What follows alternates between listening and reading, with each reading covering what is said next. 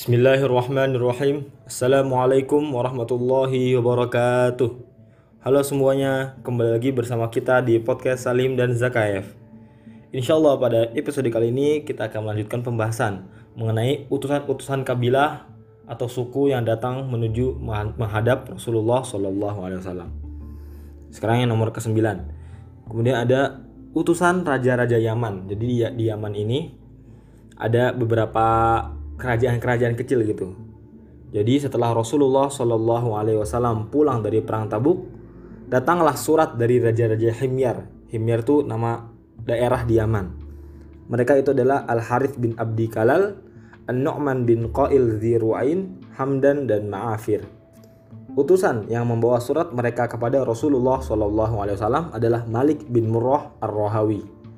Mereka mengutus Malik untuk menyatakan keislaman mereka dan permusuhan mereka terhadap kemusyrikan dan para pelakunya.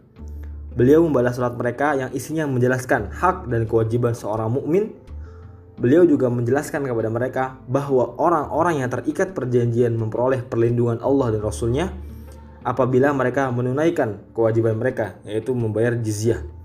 Beliau mengutus beberapa orang sahabat kepada mereka yang dipimpin oleh Mu'ad bin Jabal untuk berdakwah di tengah-tengah mereka. Kemudian ada utusan dari Hamdan. Mereka datang pada tahun 9 Hijriah, sepulang dari Sallallahu, Nabi Sallallahu Wasallam dari Tabuk. Rasulullah Sallallahu Alaihi Wasallam menulis surat perjanjian dengan mereka dan memberikan apa yang mereka minta. Beliau mengangkat Malik bin An-Namid sebagai pemimpin mereka dan orang-orang yang masuk Islam di antara kaumnya. Beliau mengutus Khalid bin Walid kepada mereka secara keseluruhan untuk menyuruhkan Islam di tengah-tengah mereka. Selama enam bulan, Khalid menetap di sana menyerukan Islam kepada mereka. Namun mereka tidak mau menyambut seruan Khalid. Kemudian beliau mengutus Ali bin Abi Thalib untuk menggantikan Khalid bin Walid. Ali datang kepada orang-orang Hamdan dan membacakan surat Rasulullah SAW kepada mereka dan menyerukan Islam kepada mereka. Maka mereka akhirnya mau masuk Islam secara kesemuanya, keseluruhan suku gitu. Ali menulis surat kepada Rasulullah SAW memberikan kabar gembira atas keislaman mereka Ketika membaca surat tersebut, Rasulullah SAW lantas bersujud, lalu mengangkat kepalanya seraya berkata, kesejahteraan atas orang-orang Hamdan, kesejahteraan atas orang-orang Hamdan dan berkata seperti itu tiga kali. Kemudian ada lagi utusan dari Bani Fazarah. Mereka berasal dari uh, timur Jazirah Arab dekat uh, Teluk Persia kalau pada saat ini. Utusan ini datang pada tahun 9 Hijriah. Sama sepulang Rasulullah SAW pulang dari perang Tabuk. Utusan tersebut berjumlah belasan orang. Mereka datang untuk menyatakan keislaman mereka dan mengadukan perihal kekeringan yang melanda negeri mereka. Maka Rasulullah SAW mendoakan mereka. Kemudian ada utusan dari Najran. Nah, Najran ini adalah suatu negeri yang cukup besar. Sejauh perjalanan tujuh hari dari Makkah menuju arah Yaman, ke arah selatan Makkah berarti. Najran ini ada di sekarang kalau sekarang itu perbatasan antara negara Arab Saudi dengan negara Yaman.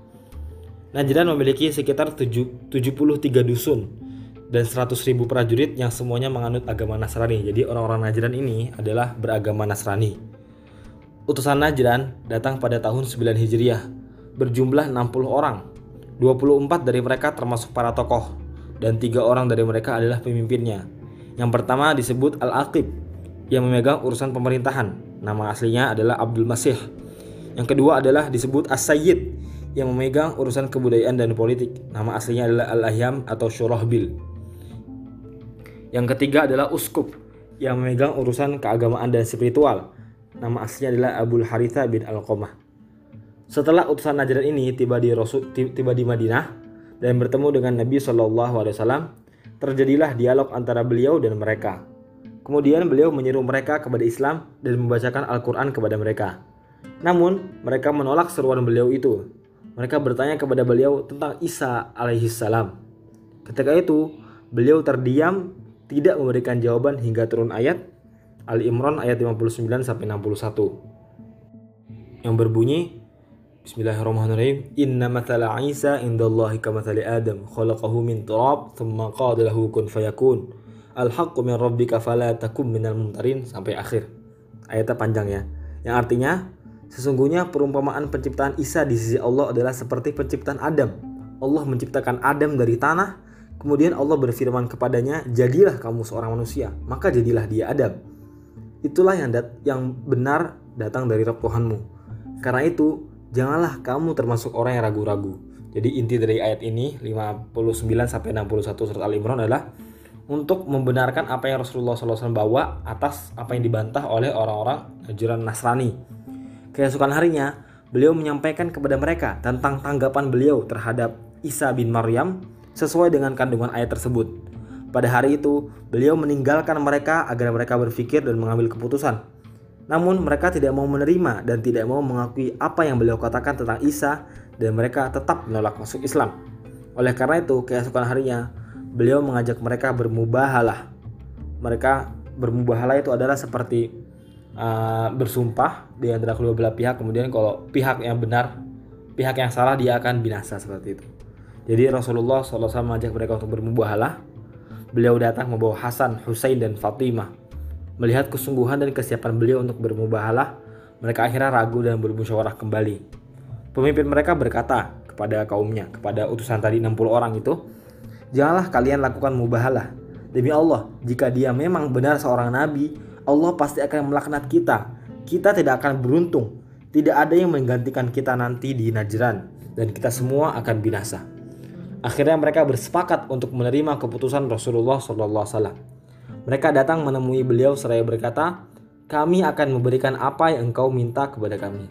Beliau pun mau menerima jizyah dari mereka dan membuat kesepakatan dengan mereka bahwa mereka harus menyerahkan 2000 hullah. Berarti mereka tidak masuk Islam ya, karena kan bayar jizyah. 1000 hullah diberikan pada bulan Rajab dan 1000 hullah diberikan pada bulan Safar. Beliau membeli mereka perlindungan Allah dan Rasulnya dan memberikan kebebasan penuh kepada mereka dalam menjalankan agama Nasrani. Semuanya itu dituangkan dalam sebuah perjanjian tertulis.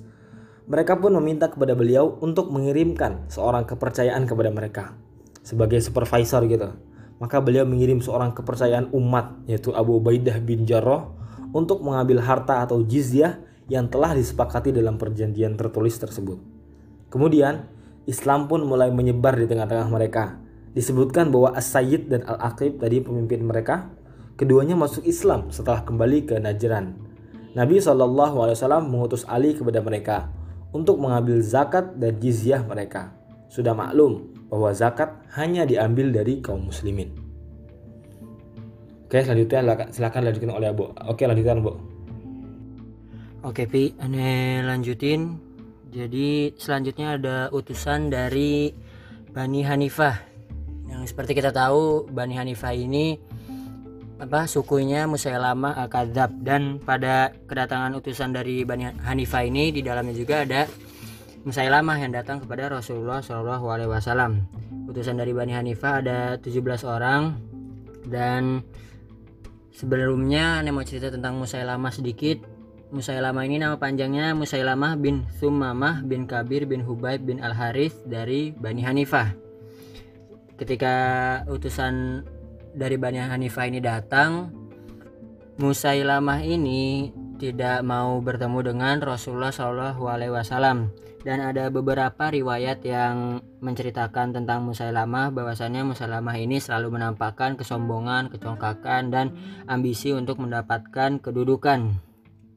Sebelumnya Rasulullah Shallallahu Alaihi Wasallam menemui utusan Bani Hanifah ini sendiri Ketika itu, ketika bertemu dengan Musailamah, maka Rasulullah SAW mengobrol lalu terjadi percakapan dan Musailamah berkata, kalau memang engkau menghendaki, maksud engkau ini adalah Rasulullah, biarkan antara dirimu dan urusan ini, lalu serahkan kekuasaan ini sepeninggalmu.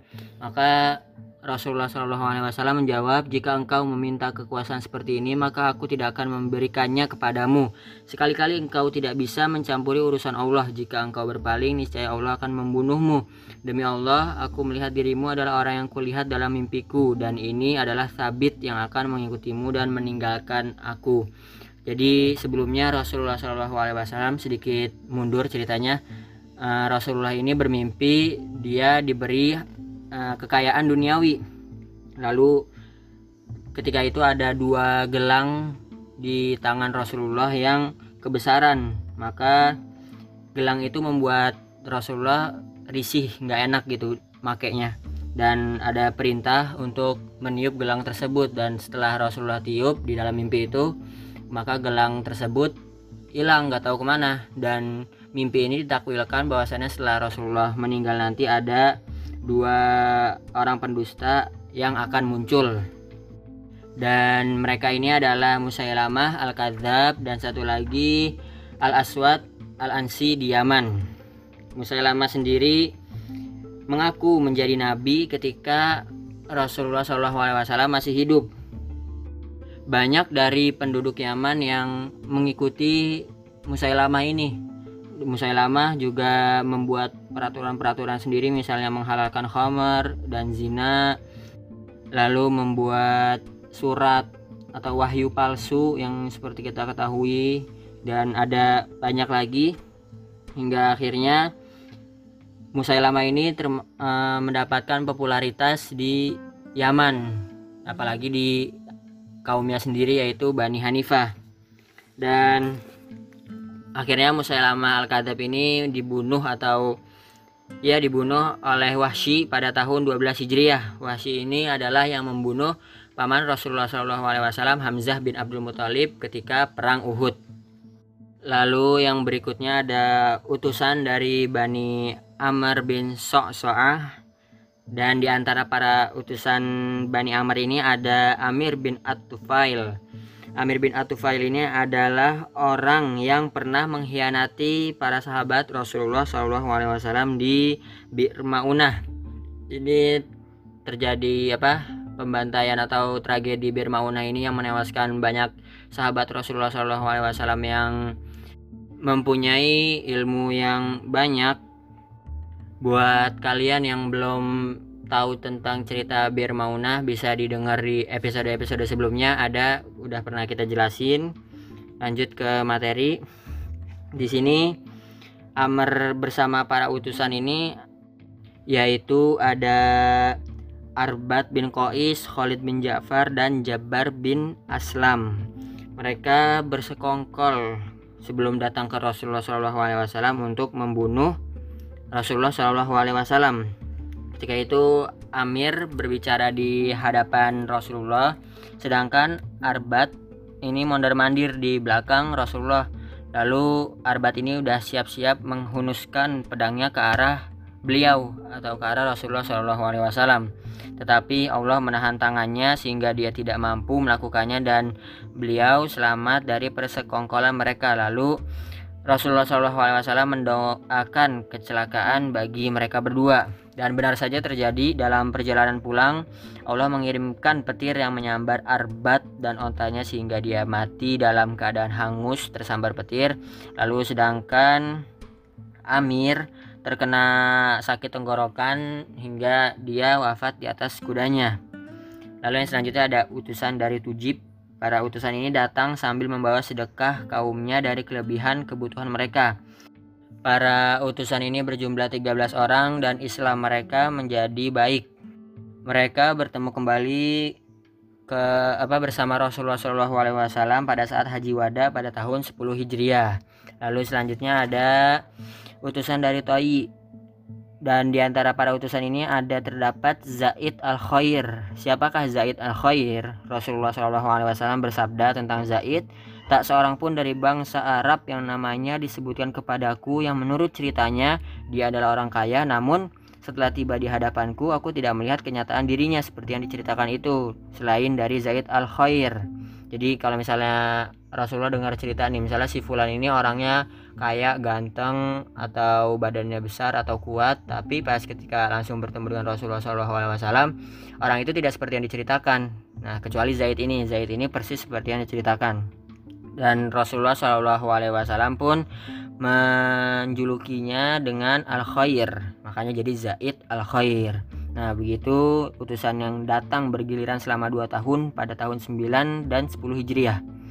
Dan pada tahun 11 Hijriah ada 200 orang utusan dari penduduk Yaman dari macam-macam bani.